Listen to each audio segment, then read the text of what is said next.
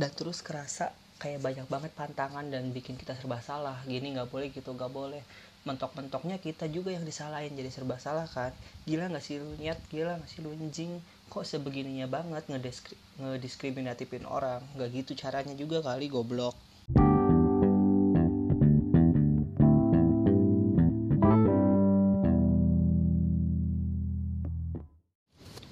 Ye, balik lagi di ngebacrot ngebacot yang nggak pakai jaim tanpa basa-basi yang nggak suka skip aja masih barengan bareng ba kebelibet masih barengan sama gue Wildan and so setelah ratusan purnama tak berjumpa anjing lebay banget please gue muak. Setelah beberapa waktu gue jarang uh, ngepost karena memang ada kesibukan tersendiri dan akhirnya gue balik lagi dengan keresahan dan kegundahan hati gue anjing kayak punya hati aja lu nyet.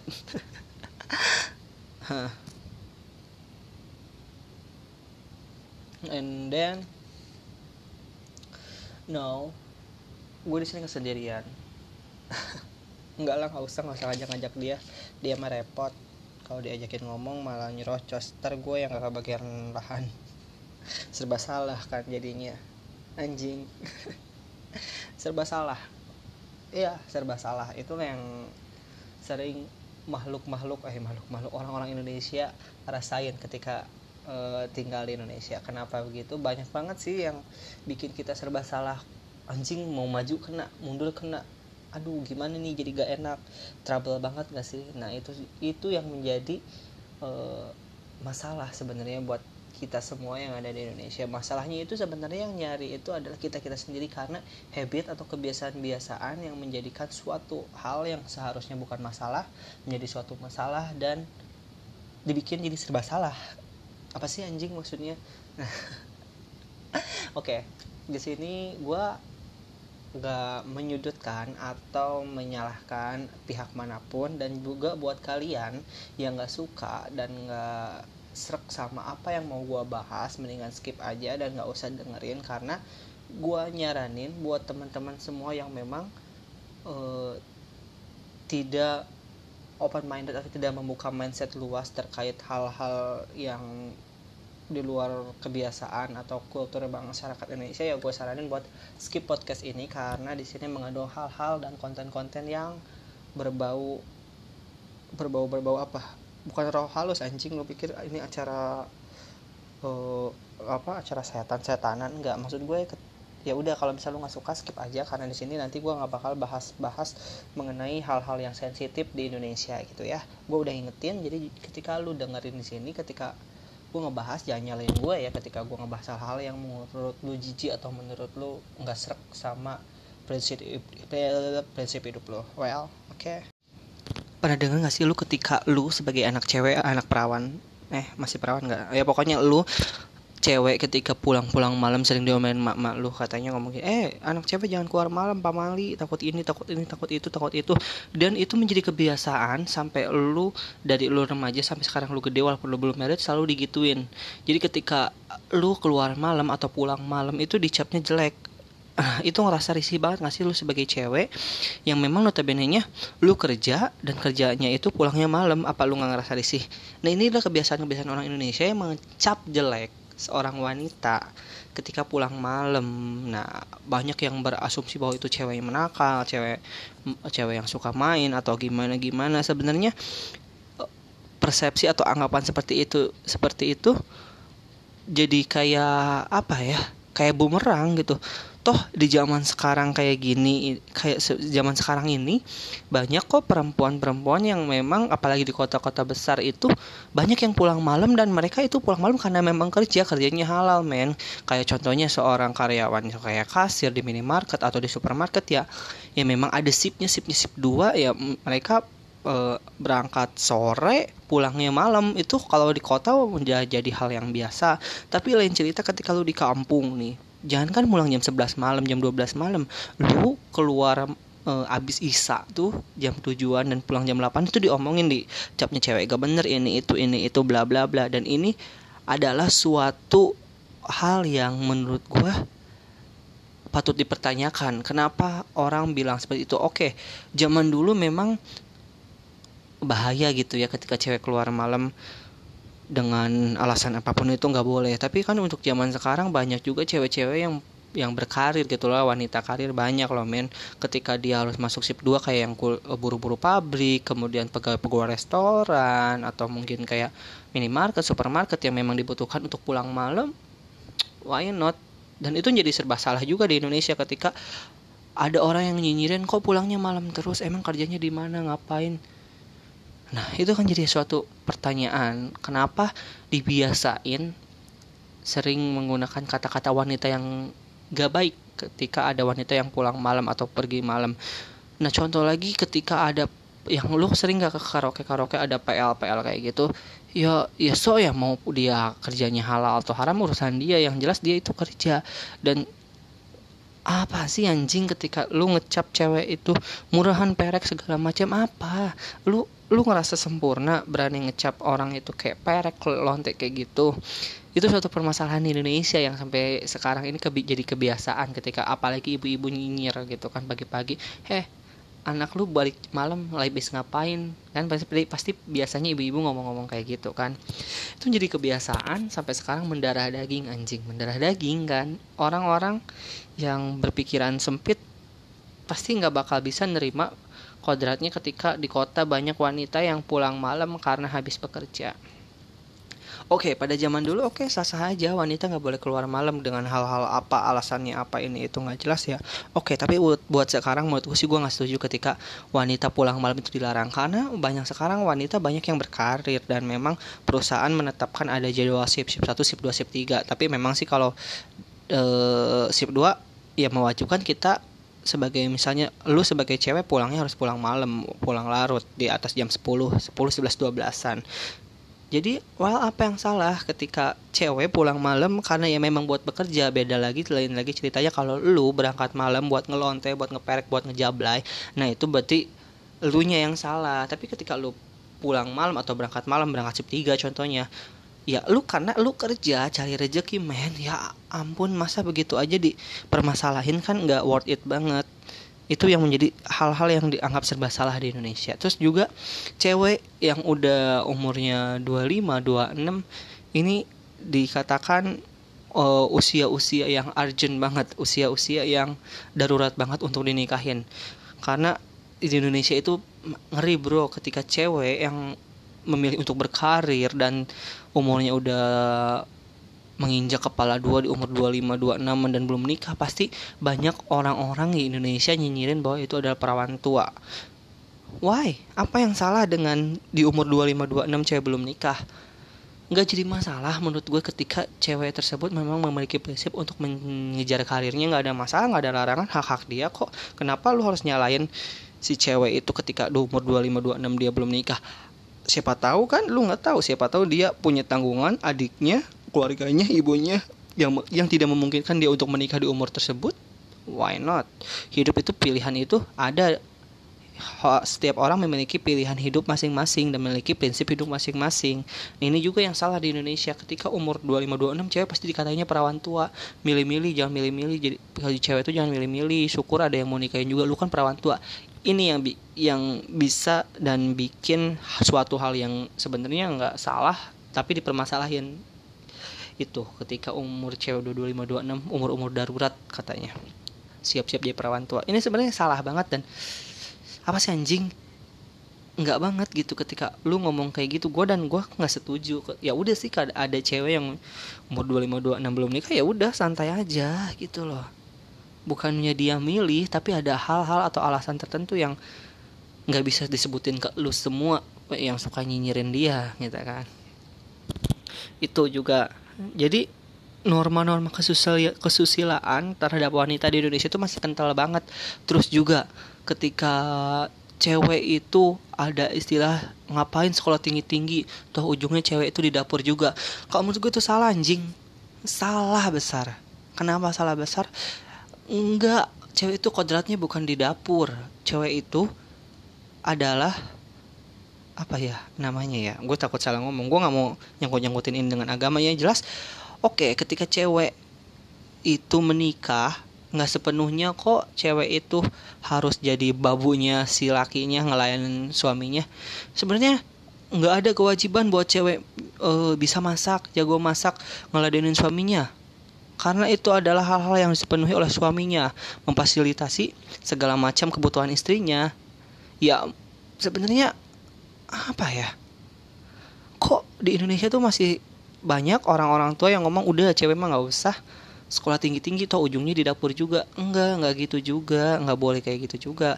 Semua tuh memiliki hak yang sama dalam mendapatkan kualitas pendidikan kualitas untuk menimba ilmu dan juga uh, kesempatan bekerja memiliki karir setinggi tinggi itu memiliki hak yang sama antara pria dan wanita. Nggak jadi jadi nggak ada yang patut dibedakan.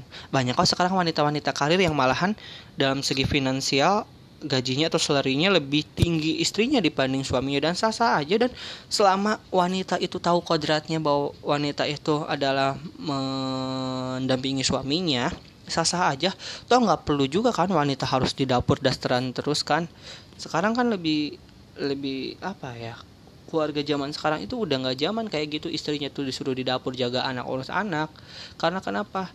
Ketika lu cuman ngandelin hasil kerja suami lu dan hidup lu beban hidup lu dan pengeluaran lu banyak lu nggak bakal cukup men. Dan lu nggak bakal bisa mendapatkan penghasilan lebih. Ya mau nggak mau istri lu juga harus kerja dan kita kerjasama bareng-bareng buat dapetin hal yang kita pengen. Jadi nggak salah ketika suami istri lu kerja lu kerja. Anak diurus siapa? Babysitter kalau nggak neneknya itu sudah menjadi suatu kebiasaan. Jadi jangan dibilang ketika cewek sekolah tinggi tinggi lu lu ngomongnya ujung ujung di dapur.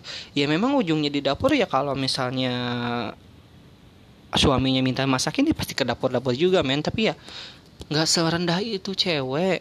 Enggak. Cewek itu memiliki martabat yang tinggi dan harus diagungkan. Salah ketika cewek dianggap ya udah ujung-ujungnya di dapur juga. Eh lu pikir cewek tuh babu yang bisa lu suruh-suruh? Salah itu ya persepsi yang salah dan sebenarnya harus diluruskan jadi cewek itu memiliki hak yang sama kok sama cowok untuk memiliki tingkat pendidikan yang tinggi tingkat karir yang tinggi. Nggak ada salahnya anjing. Nggak ada nggak ada aturannya kayak gitu. Itu yang harus diluruskan di Indonesia. Jadi nggak ada istilah kayak gitu.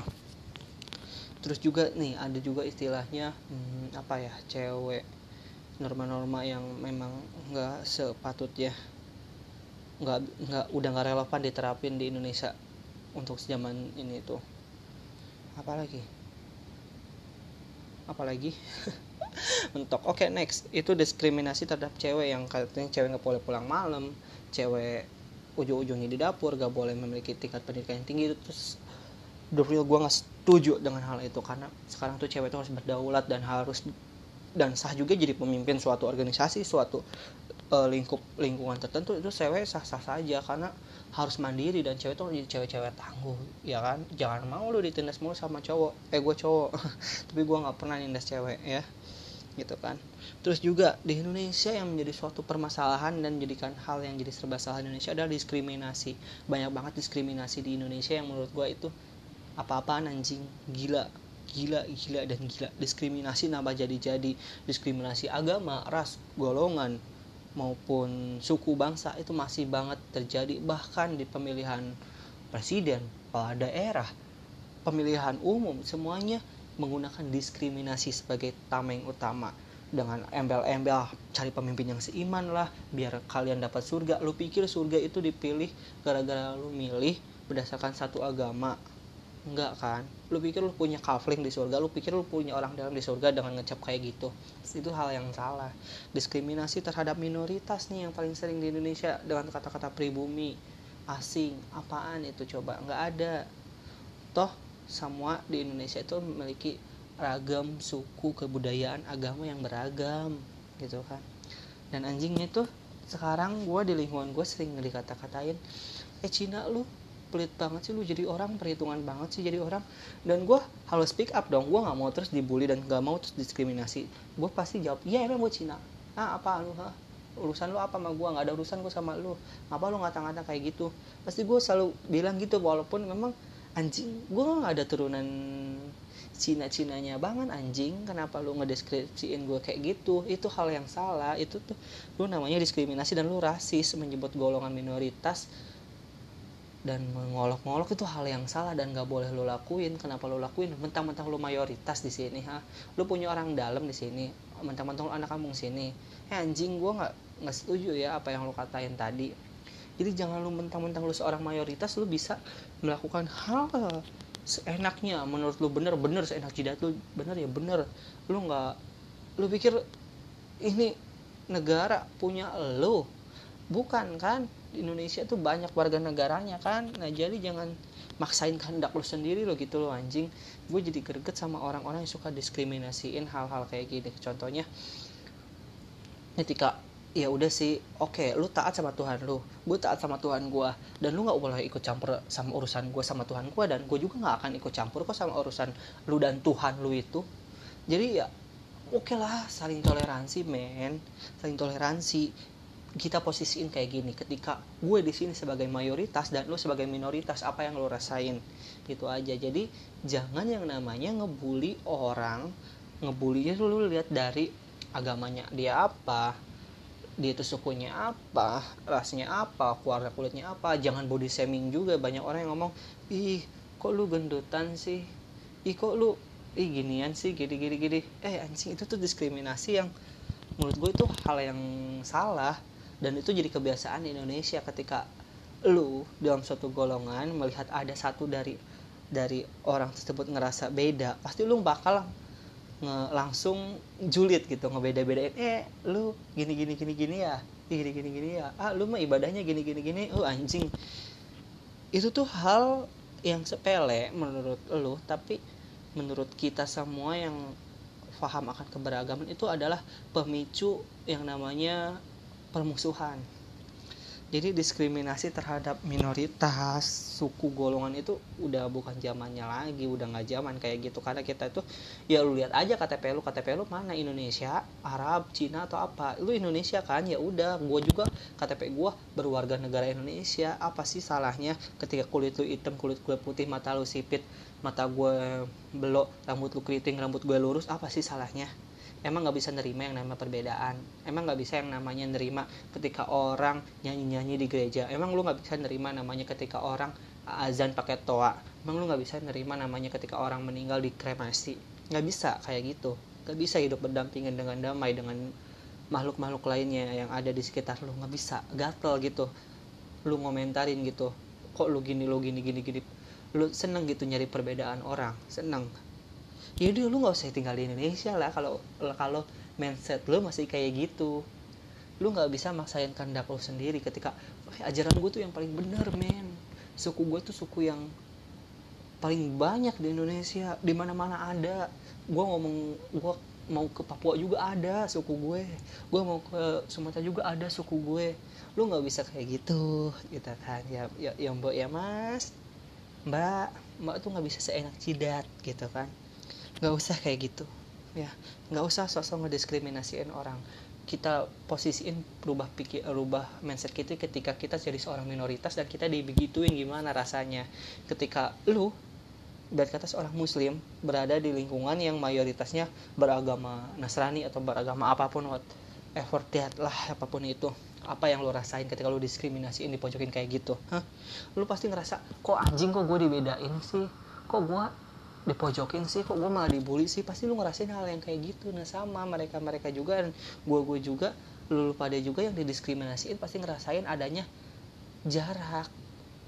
Ya, itu yang jadi serba salah di Indonesia karena doktrin-doktrin dari dulunya dan kadang-kadang gini nih ajaran-ajaran dari eh, apa ajaran-ajaran dari si yang kayak kiai pastor atau itu ya tuh mendiskriminasi mendes mendeskripsikan banget buat bahwa menyatakan ajaran kita paling benar.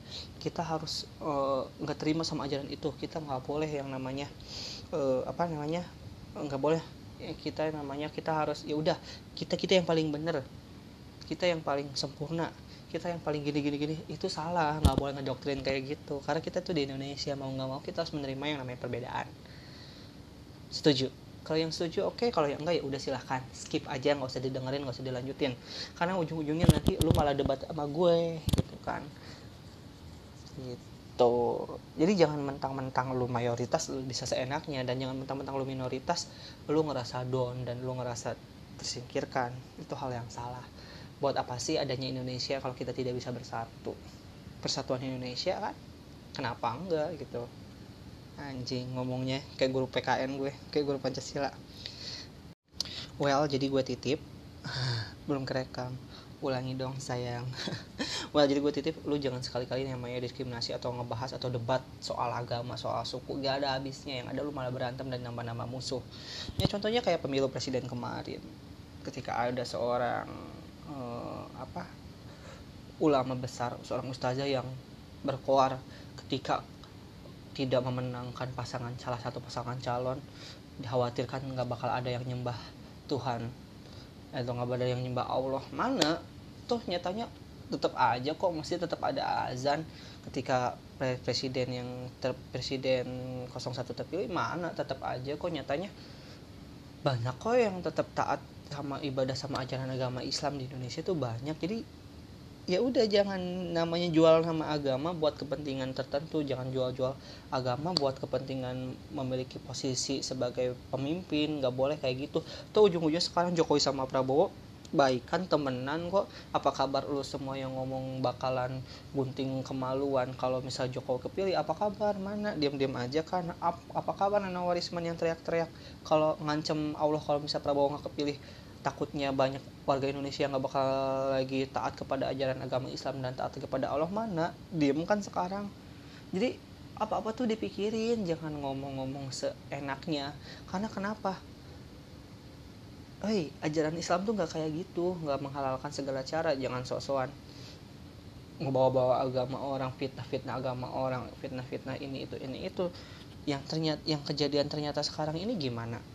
Jadi jangan yang namanya politik sama uh, agama itu jangan disatuin dan jangan jadiin agama sebagai alat untuk memperalat orang gitu kan. Jadi akhirnya kayak gini jadi pinter kebelinger. Lu lihat Prabowo sama Jokowi bersanding satu di pemerintahan gimana? Lu cengok doang kan?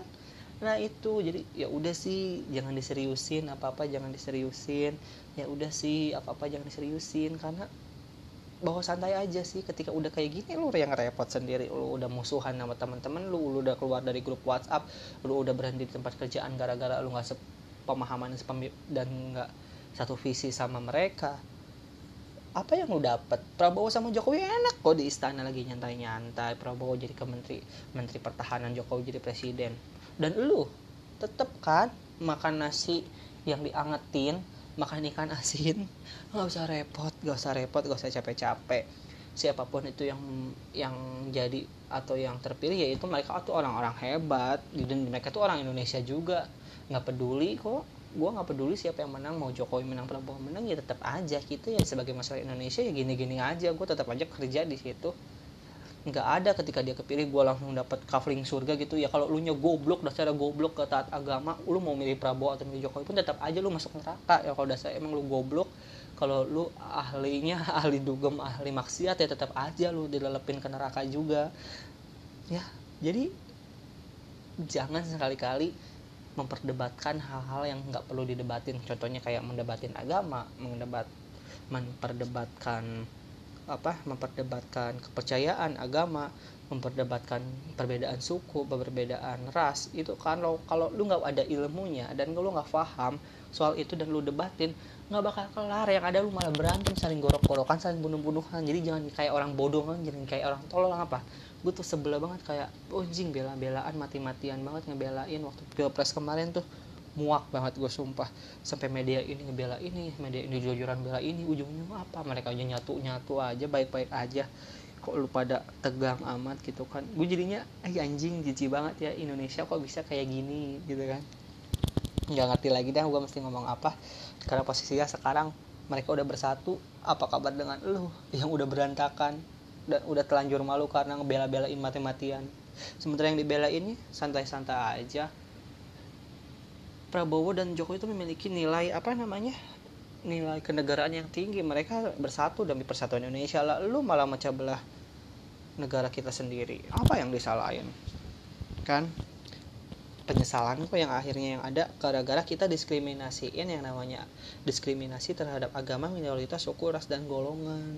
Jadi itu nggak boleh ya anjing gue berasa orang pinter deh kalau ngomong kayak gini ya Allah makasih nulis udah nulisin skripnya rapih banget nulisnya juga aduh gue tuh orang goblok tapi kok bisa ngomong kayak gini Kenapa coba otak? Hei otak berbicaralah kepada saya. Kenapa saya bisa berbicara seluas ini dan setegas ini? Hi anjing. Canda, canda anjing.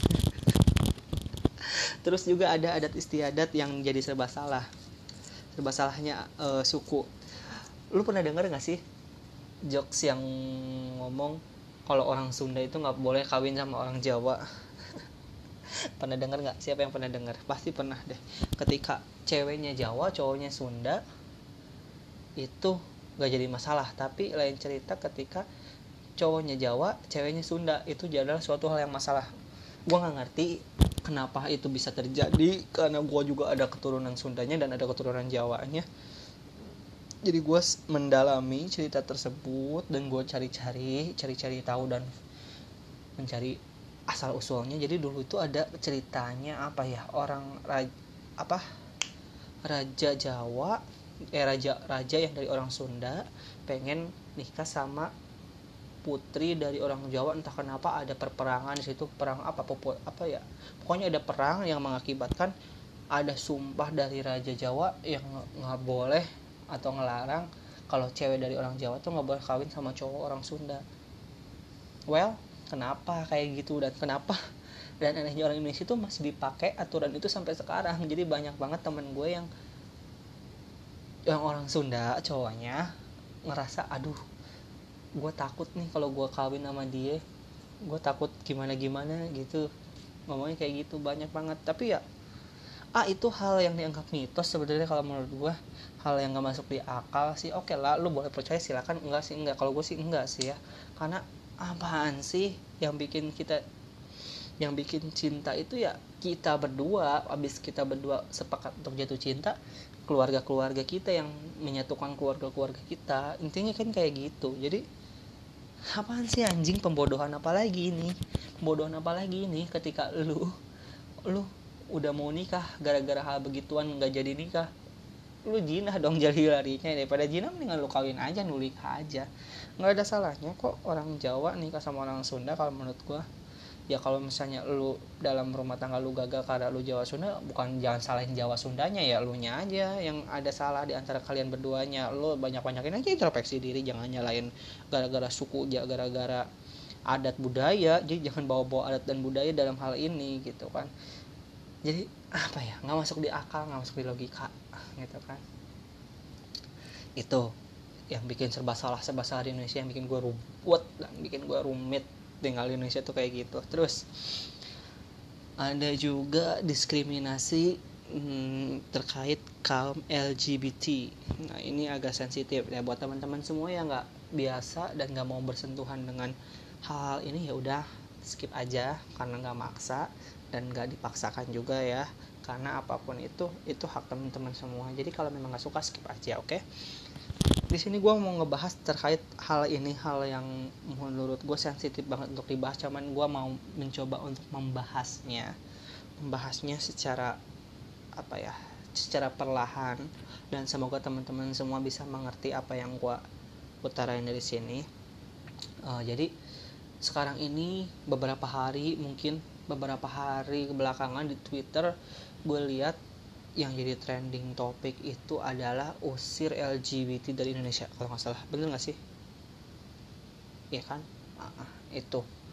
Kenapa hal itu bisa mencuat dan terjadi di Indonesia? Ya asap gak bakalan apa api gak bakalan terjadi kalau nggak ada asapnya. Eh gimana sih?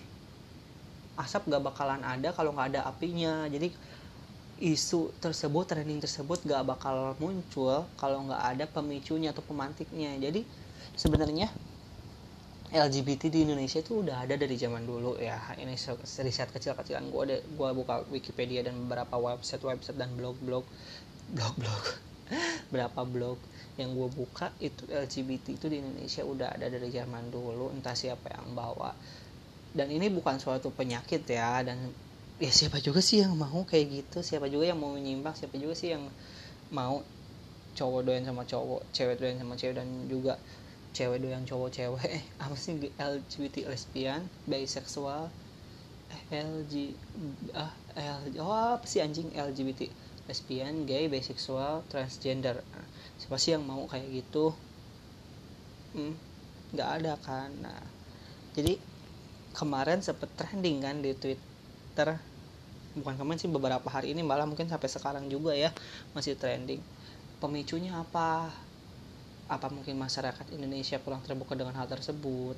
Atau mungkin si LGBT-nya tersebut atau kaum itu terlalu menampilkan atau terlalu memperlihatkan hal-hal yang tidak sesuai dengan norma Indonesia. Well, gue kurang tahu dan kita akan cari tahu bareng-bareng ya sebenarnya di Indonesia itu mayoritas agamanya itu yang terbesar itu ada agama Islam. Dan dalam ajaran agama Islam tidak dibenarkan dan dilarang keras untuk namanya uh, eh, LGBT tersebut. Ya itu kalau kita berpaku kepada agama. Tapi di beberapa negara-negara besar di dunia contohnya Amerika Serikat China negara tetangga kita Thailand itu melegalkan yang namanya sistem hubungan sesama jenis dan juga eh, transgender atau apa pun itu kurang kurang paham dan kurang mengerti. Cuman di sini kita balik lagi atas hak dasar manusia, human right atau hak asasinya. Ketika hak asasi manusia, siapa juga sih yang mau dan ingin menjalani hidup dengan orientasi seks yang menyimpang ini bukan suatu penyakit tapi penyimpangan seksual. Apa sih emang lu mau diri lu jadi seorang yang suka sama cowok? Kalau pasti lu cowok apa lu mau jadi seorang lesbian? Enggak kan? Cuman sebenarnya balik lagi di sini kita sebagai masyarakat Indonesia nggak perlu parno kalau kita ngelihat atau ngebahas masalah beginian karena ada mereka di sekitar kita.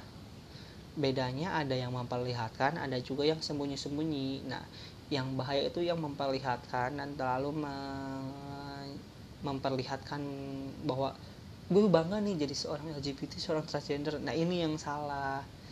Ya udah tahu di Indonesia mayoritasnya kurang setuju atau kurang pro terhadap LGBT lu yang ngeliatin lu nya udah tahu lu cowok dan jadi cewek tetek sok digede-gedein muka di make up make upin. Ya lu diserang lah sama masyarakat Indonesia lu dihujat lah lu lagian goblok. Itu yang salah gue sih bukan nyalain si LGBT-nya tapi sikapnya itu. Jadi sikapnya itu oke okay, itu kalau lu gue tahu oh, karena gue punya temen yang kayak gitu juga dan bisa ngerasain. Jadi ya lu jangan terlalu memperlihatkan. Lu dikasih hak tapi ingat ada batasan-batasannya. Ini bukan negara bebas dan ini negara hukum dan negara yang memiliki agama. Dan gue rasa nggak ada nggak ada agama mana pun yang membolehkan hal tersebut sih ya. Tapi bukan gue menyudutkan cuman ya udah itu hak lu. Dan pilihan lu jadi bukan urusan gue bukan urusan orang di sekitar lu. Jadi lu harus jaga tingkah laku lu. Jangan mentang-mentang lu ngerasa gue punya hak kok hak gue sama kok lu ngeliatin dan memperlihatkan secara langsung ke orang lain. Orang lain juga risih kali gitu kan? Orang lain juga risih. Tapi balik lagi mungkin trending tersebut yang LGBT, usia LGBT dari Indonesia itu muncul ya karena reaksi dari masyarakat yang udah mulai geram atas ulah-ulah beberapa uh, orang yang mengaku dia LGBT itu yang memperlihatkan dan cenderung mengapa ya jadi toksik ngerti gak toksik itu jadi jadi kayak racun di masyarakat jadi sampah masyarakat. Jadi lu jangan jadi sampah deh di masyarakat gitu kan. Kalau kasarnya ya ya udah malu homo lu nggak tahu diri gini gini gini gini. Jelek kan? Akhirnya lu dibully juga sama masyarakat. Jadi ya lu punya hak di sini balik lagi. Tapi lu nggak boleh ngeganggu hak orang lain. Kayak gitu. Jadi ya udah ketika lu memiliki orientasi lu cowok suka sama cowok ya udah lu cari yang setipu sama lu. Jangan lu rubah yang strike jadi belok kan kayak gitu. Yang yang strike jadi bisexual jadi suka sama cewek suka sama cowok. Itu yang namanya hak lu terpenuhi tapi lu ngerusak hak orang lain. Itu yang salah kalau gue sih kayak gitu. Terus juga ya apa ya? Jadi jangan mencoba untuk terbuka di depan umum lah. Karena kita ngerti kodrat ya oke okay lah kalau di Thailand sah sah aja. Kalau misalnya di negara luar ya sah sah aja. Lu mau gimana gimana lu dan kayak cewek secantik apa pun itu transgender kontol lu diganti jadi memek ya terserah. Bukan urusan gue dan bukan urusan teman-teman gue dan keluarga gue gitu kan. Cuma ya ngerti tempat dan ngerti posisi ketika lu tinggal di Indonesia ya berperilaku sewajarnya aja gitu kan iya gak sih? Ih, gue ngeri tau ngebahas beginian. Ntar gue tiba-tiba Instagram gue diserang. Nggak ya bercanda ya. Jangan jangan jangan sensi sama gue ya. Gue di sini cuma meluruskan aja. Jadi harus ada bukan jarak apa ya namanya ya? Ada pembatas batasan batasannya. Lu ngerti lu ngerti mereka punya hak dan gue juga ngerti lu punya hak. Ngerti nggak? Jadi human right di sini bukan berarti lu bisa ngelakuin hal hal lu sebebasnya di Indonesia. Karena di Indonesia nggak legal hal tersebut. Jadi ketika lu jalan misalnya lu seorang gay atau seorang lesbian lu jalan sama pacar lu yang seorang lesbian gay juga di pinggir jalan lu mesra-mesraan cowok sama cowok cewek sama cewek di, di muka umum. Apa sih yang lu rasain gitu kan? Apa lu nggak malu? Apa urat malu lu udah putus gitu kan? Jadi ya udah sih sewajarnya aja. Ya lu punya ruang privasi masing-masing punya kamar masing-masing itu urusan lu sama pasangan lu di kamar masing-masing dan kita punya kamar masing-masing urusan kita dengan pasangan kita masing-masing dah sampai di situ aja. Nggak perlu di apa ya nggak perlu dipublish kalau lu kalau lu tuh gini. Jadi lu jangan yang namanya coming out istilahnya jangan ya udah sih jangan terbuka banget kalau lu nggak mau jadi punya masalah. Karena banyak orang-orang yang yang garis keras garis keras terhadap lu banyak banget yang benci sama lu banyak banget yang benci yang namanya LGBT itu malah cenderungnya malah lu nantinya malah dipojokin didiskriminasiin. Jadi lu harus pikir-pikir lagi pikirin matang-matang ketika lu tahu bahwa orientasi lu menyimpang dari kebanyakan orang ya udah lu cari perkumpulan tapi jangan perkumpulan yang salah dan lu jangan sekali-kali yang namanya coming out oh, untuk posisi di Indonesia ya coming out dengan orang-orang terdekat lu kayak keluarga lu teman-teman lu yang bisa dipercaya oke okay, gak masalah. Cuman kalau coming out ke dunia luar itu adalah hal yang salah menurut gue di Indonesia karena berpengaruh dalam lingkungan kerja lu, karir lu, pengembangan diri lu di bidang pendidikan pasti akan terhambat. Karena di Indonesia nggak segampang di luar negeri nggak banyak orang yang bisa menerima hal tersebut. Walaupun gue bisa menerima dan terbuka tentang hal tersebut tapi mungkin beberapa orang jarang yang menerima. Tapi at least di lingkungan sekitar gue banyak yang menerima hal tersebut dan terbuka tentang hal tersebut tapi dengan batasan-batasan tertentu. Ketika gue nongkrong sama teman-teman gue dan teman gue ada yang gay ada yang lesbi mereka jalan sama pacarnya mereka jalan sama cowoknya sama ceweknya ya udah gue lihatnya biasa ya udahlah biasa aja itu cowoknya dia ini ceweknya dia ya udah. Asalkan dianya nggak ngeliatin banget gitu. Ya gila lu anjing. Masa iya lu kayak gitu kan kayak gitu. Jadi ada yang ya udahlah kayak lah masing-masing lah urusan pribadi masing-masing. Dan gue juga nggak pernah ngedis diskriminasiin hal tersebut. Jadi buat lo semua coba deh buat berpikir secara luas dan terbuka. Apa dampaknya ya ketika lu coming out atau menyatakan, wih gue transgender, gue ngerasa gue tuh gak cocok banget jadi cowok, gue cocok jadi cewek, udah dan cewek terus lu upload di Instagram, anjing apa kabar, dan orang tua lu tahu apa yang lu rasain, apa yang orang tua lu rasain ketika ngeliat anaknya yang dibangga banggain seorang cowok, tapi kok kayak gitu, apa coba? Nah jadi jangan sampailah kayak gitu. Dan harus tahu batasannya juga. Lu ya kali lu lu tahu homo lu pacaran sama cowok lu lu jalan terus lu ciuman di depan umum gak geger tuh sekampung gara-gara hal begituan. Anjing kan namanya. Ya jadi ya udah ada batasan tertentu yang memang rules of law-nya itu ya memang kayak gitu loh anjing. Kayak gitu. Lu harus ngerti. Lu udah dikasih lu hak lu hak lu itu nggak di nggak di apa namanya nggak dikekang ya lu harus ngerti juga. Yang lainnya punya hak juga buat ngejalanin hidupnya masing-masing. Jadi lu jangan ngotot gitu ya. Itu doang sih ada batasan-batasannya gitu loh anjing. Jadi maksain hak lu lu mau ngewek di mana pun juga harus pikir-pikir dulu wong yang cewek sama cowok ngewe di di hotel aja digerebek polisi ditangkap diurus disuruh nikah apalagi lu cowok sama cowok cewek sama cewek gitu loh. Ya. Nah jadi masyarakatnya juga nih masa Indonesia juga jangan menganggap bahwa LGBT itu adalah suatu penyakit dan suatu masalah. Karena ya udah sih siapa sih yang mau jadi kayak mereka? Siapa sih yang mau jadi jadi gay? Siapa sih yang mau jadi lesbi gitu kan siapa yang mau gitu kan? Oh, gue nawarin nih siapa yang mau? Canda sayang. Jadi ya udah jadi jangan anggap mereka penyakit. Siapa tahu penyakitnya ada di masa di sekitar lo banyak juga yang udah suami istri dan lakinya udah bersuami istri dan lakinya doyan jajan jajan ke lonte-lonte pinggir jalan itu juga suatu penyakit masyarakat kan? Jadi ya jangan mandang sebelah mata gitu. Gitu-gitu juga mereka sama-sama kok kayak kita makan nasi bedanya itu ada orientasinya juga dan banyak juga kok yang mereka-mereka yang memiliki penyimpangan penyimpangan seksual itu yang sukses yang memiliki karir yang bagus banyak juga. Jadi ya udah sih masyarakat Indonesia intinya untuk mencoba lebih membuka mindsetnya lebih luas dari yang sebelumnya sempit jadi luas gitu soal itu. Sorry ini ya bukannya gue so tau atau apa jadi nggak gue nggak menyudutkan hal-hal yang dan nggak menyangkut pautannya dengan satu agama apa pun itu. Yang jelas ya lu mau kayak gitu ya gitu ya urusan lu. Dan gue cuman cukup tahu dan gue ngerti dan gue paham tapi gue nggak mengiyakan dan juga tidak mentidakkan hal tersebut. Yang jelas ya itu tadi serba salah. Kalau kitanya nggak nggak ngejaga hak orang lain kita salah kalau kita membiarkan hak itu melebihi batas haknya tanpa menjalankan kewajibannya juga salah. Itu.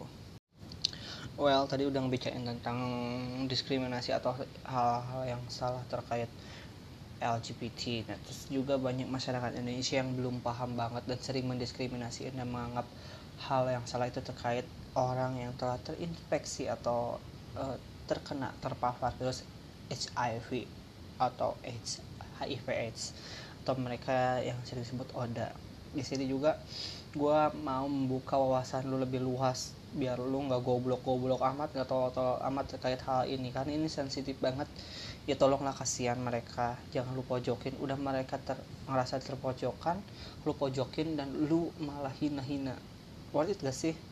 Banyak di yang gak kita sadari di Indonesia itu masih tabu soal yang namanya penyakit HIV AIDS banyak orang yang ngomong beranggapan bahwa itu penyakit yang sangat mengerikan itu penyakit yang nggak ada obatnya banyak orang yang meninggal gara-gara tersebut. Dan dicapnya kalau orang yang terkena penyakit itu adalah orang-orang yang nggak benar dan orang-orang yang memiliki perilaku atau hidup yang menyimpang.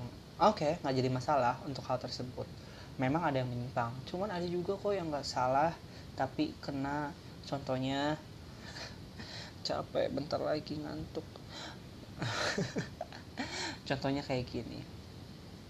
Lo laki bini. Bini lo punya anak. Lagi bunting. Ya laki lu tuh doyan jajan dia nama lonte. Dan lontenya itu udah terinfeksi HIV atau HIV dan HIV itu tular ke laki lu dan laki lu tidur sama bininya dan sama lu gitu kan. Dan lu terinfeksi juga. Lu kan nggak tahu gitu kan nah itu yang salah.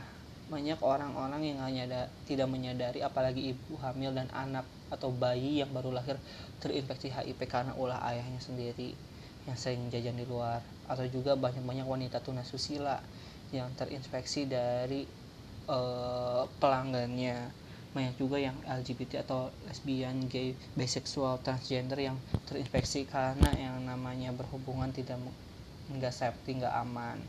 Banyak juga yang terinfeksi gara-gara memakai jarum suntik narkoba secara bergiliran. Dan juga banyak juga yang terinfeksi karena kesalahan medis ketika oh, lu ke rumah sakit dan jarum suntiknya mungkin nggak higienis atau bekas dari orang yang terinfeksi HIV AIDS atau mungkin juga donor darah ketika lu nerima donor dari darah yang orang terinfeksi HIV AIDS banyak banget faktor-faktor yang mengakibatkan hal tersebut bisa terjadi dan itu hal yang sepatutnya tidak perlu lu sebagai yang sehat menyudutkan dan merasa jijik dan bahkan ngejauhin orang tersebut. Justru sebenarnya mereka mereka atau Oda perlu disupport karena penyakitnya itu nggak nggak apa yang namanya hanya merusak sistem kekebalan tubuh.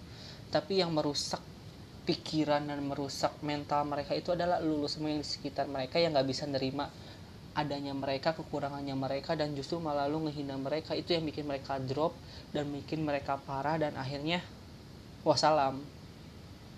Kenapa gitu? Karena lingkungan yang mempengaruhi dan harus mendukung. Oke dia terpapar penyakit tersebut. Tapi yang harus lu tahu penyakit tersebut gak bisa nular gitu aja. Ketika lu bersentuhan dengan dia lu gak bakal nular lo lu jangan kayak orang bego dan orang tolol deh. Lu jangan takut ketika si Oda tersebut berinteraksi dengan lu lu langsung tertular atau bekas makanan atau pakaiannya itu nggak mungkin bisa kecuali yang namanya infeksi tersebut bisa tertular melalui darah kemudian uh, air apa namanya peju eh peju apa sih bahasa bahasa kedokterannya? Uh, ya itulah berhubungan badan. Bego banget gue nggak ngerti. Berhubungan badan tanpa menggunakan alat pengaman terus uh, darah air susu ibu nah itu doang. Kalau lu keringetan dan keringet lu nempel atau bersatu sama udah ya nggak bakalan nular lah. Jadi ya belajar pinter dikit gitu loh. Dan jangan mendisk jangan terlalu mendiskriminatifkan orang tersebut. Karena orang tersebut itu butuh dukungan dukungan secara mental. Karena ya, ya kita nggak tahu yang namanya begituan. Bisa ketular ke siapa aja gitu kan. Ke ke saudara kita ke anak kita ke cucu kita ke istri kita ke suami kita kita nggak tahu bisa nular ke siapa aja. Dan kita pun bahkan tidak menyadarinya ketika kita tertular. Jadi fasenya ketika kita tertular HIV itu tiga bulan itu atau masa jendela itu kita nggak berasa sakit apa pun. Malah justru kita itu ngerasa sehat selama beberapa bulan tersebut. Dan justru itu adalah ketika virus itu masuk di tiga bulan pertama itu kita ngerasa sehat. Dan bulan berikutnya kita udah mulai ngerasa ngerasa ngerasa ngerasa. Dan udah beberapa tahun kemudian mungkin 10 tahun atau 20 tahun baru kita ngerasa badan kita rusak atau apa atau apa pun itu. Gua nggak tahu kurang paham tentang hal tersebut. Jadi ya jangan diskriminasiin dan jangan salah paham terkait hal tersebut. Justru kita harus mendukung dan mensupport mereka yang ada di sekitar kita yang telah terinfeksi. Dan kita juga harus yang namanya secure atau lebih berhati-hati lagi dengan diri kita sendiri. Kita juga harus jaga diri kita sendiri dan sering-sering melakukan yang namanya cek atau tes VCT biar kita tahu kondisi kita kayak gimana gitu ya. Jadi jangan yang namanya wih anjing dia udah virus HIV wih ngeri hati-hati lo nular tuh ya gimana orang kagak sakit hati? Udah tahu gue tuh lagi sakit ibarat kata. Udah tahu tuh orang oda dia sakit dia terinfeksi penyakit itu dan lu malah mojokin malah ngejauhin dan malah nggak mau kenal malah kayak ngebenci. Ya gimana orang kata mah ngedrop anjing? Udah mah ngedrop didropin lagi sama hal itu sama omongan lu itu ya. Ya inilah yang namanya Indonesia nggak mandang dia saudara nggak mandang dia teman nggak mandang dia adalah keluarga. Ketika orang tersebut terkena atau terinfeksi penyakit tersebut pasti langsung di apa ya? Diacuhkan ataupun diasingkan dari lingkungannya. Dan banyak kok masyarakat-masyarakat yang masih belum paham dan masih banget buta tentang hal tersebut. Dan mungkin mungkin juga pemerintah perlu yang namanya melakukan kajian lebih lanjut terkait hal tersebut dan juga melakukan sosialisasi biar, biar apa ya biar kagak ada gitu yang namanya oda yang tidak tertangani dan oda yang uh, malah dikucilkan sama keluarganya ataupun malah dianggap suatu masalah atau pembawa masalah dan merasa jijik gitu kan. Itu hal yang salah dan sepatutnya nggak kayak gitu gitu kan. Agak miris aja sih dengernya kalau ceritanya kayak gitu ada. Apa sih gatal hidung? Ada hal tersebut terjadi gitu kan. Ya kan yang namanya HIV itu bukan berarti penyakit tersebut terjadi sama orang-orang yang memiliki kecenderungan nakal dalam artian nakal secara seksual aja gitu kan. Ya lu mau lu gay mau lu lesbi tertular. Tapi ya lu doyan jajan gonta-ganti pasangan ngewe. Ngomong yang enak. Ngewe sana sini nggak pakai kondom ya tetap aja kalau sialannya itu nimpa ke lu dan lu kena kan gak ada yang tahu. Yang jelas harus lu pahamin sendiri bahwa penyakit tersebut tidak menular malah cuman menular melalui hubungan badan atau cairan apa. Bejuh eh sih bahasa kedokterannya itulah. Terus uh, jarum suntik darah dan juga uh, terhadap ibu menyusui terhadap anaknya atau si bayinya. Tok itu doang. Dan kajian tersebut uh, sudah ada gitu kan ada jadi nggak usah lo takut gak usah ngejauhin. Ya udah temenin rangkul support. Karena kenapa? Perjuangannya itu luar biasa ketika buat nerima kalau kita itu uh, terpapar penyakit itu aja susahnya bukan main ngerasa anjing hidup kok kayak nggak adil. Kayak aduh mau kiamat banget nih gue mati deh besok gue mati deh. Pasti langsung kayak gitu buat mereka yang udah ngalamin hal tersebut itu buat survive lagi kembali ke masyarakat itu susah. Dan ketika ada orang yang mencemooh itu anjing perjuangan gue selama ini sia-sia. Gue ber, berusaha buat menerima tapi lingkungan gue nggak menerima gue buat apa gue hidup? Kalau kayak gini ceritanya udah mah gue memang hidup gue sisa-sisa hidup gue tinggal sedikit dan mereka malah ngabaikan gue ya udah tambah drop aja kan. Nah kayak gitu yang salah itu ya. Ya cobalah rangkul gitu kan. Ya cobalah uh, ajaklah deket biar mereka dekat sama Tuhannya. Jangan bikin mereka pesimis dan malah ngejauhin seolah-olah ngejauhin mereka. Itu hal yang salah gitu kan. Itu yang menjadi serba salah di Indonesia. Sebenarnya banyak lagi yang bikin serba salah di Indonesia. Cuman yang paling menonjol itu tadi yang gua bahas itu kayak diskriminasi terhadap minor kaum minoritas agama ras suku golongan terus terhadap penyimpangan e, seksual kayak LGBT, HPS terus terkait peraturan norma-norma kesusilaan kesusilaan terhadap wanita itu yang paling menonjol sih yang bikin gue di Indonesia tuh serba salah ketika gue ngomong ini dituduhnya pro akan hal ini. Ketika gue ngomong ini dituduhnya kontra terhadap hal ini. Jadi serba salah. Jadi gue titip lagi jangan sekali-kali yang namanya lu sok ngerasa paling benar di antara semuanya karena nggak ada yang paling bener. Kesempurnaan itu hanya milik Tuhan semata gitu loh. Anjing pokoknya hari ini gue ngomong kayak orang mabok. Bukan pusing. Gila. Lu sih. Jadi gitulah ya, anjing ya. Jadi ya apa ya? Baik lagi ke kitanya. Kita berusaha menjadi seorang yang baik dan berubah menjadi orang yang baik walaupun misalnya hidup kita masih urak-urakan atau banyaknya main ya udah sok sholat jalan maksiat jalan. Ya wes bodo amat. Atur hidupmu sekarapmu gitu kan. Apa sih anjing? Gue nggak ngerti apa yang gue omongin hari ini. Terlalu berat untuk gue pahami dan gue sebenarnya nggak paham apa yang gue omongin kali ini. Gue berasa jadi orang yang pinter dan ngerti segalanya dia sih yang bikin skrip gue nggak tahu apa-apa gue cuman ngebahas doang ya. Kalau ada kata-kata yang bikin lu semua yang dengerin sakit hati ya mohon dimaafkan. Kritik saran perlu banget untuk membangun diri gue menjadi lebih baik lagi. Silakan DM di Instagram atau kepoin aja Instagram gue biar lu tahu siapa gue sebenarnya dan apa sebenarnya tujuan gue buat podcast ini. Cuman buat meluapkan keresahan keresahan gue yang mungkin berbagi atau sharing suatu pengalaman pengalaman hidup dan peng, pengalaman pribadi gue mungkin ataupun juga apa pun itu gue luapin di podcast ini. Semoga ada manfaatnya. Kalau yang memang jelek-jelek gak usah diambil. Kalau ada yang baik silahkan diambil. Gratis gak jadi masalah.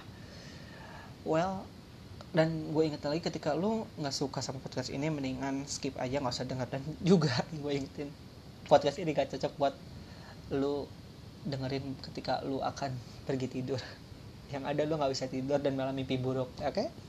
see you next week next day next week atau apa pun itu. Terima kasih. Kapkunahap gue dan pamit. Assalamualaikum. Om swastiastu. Namo buddhaya. Salam kebajikan. Bye bye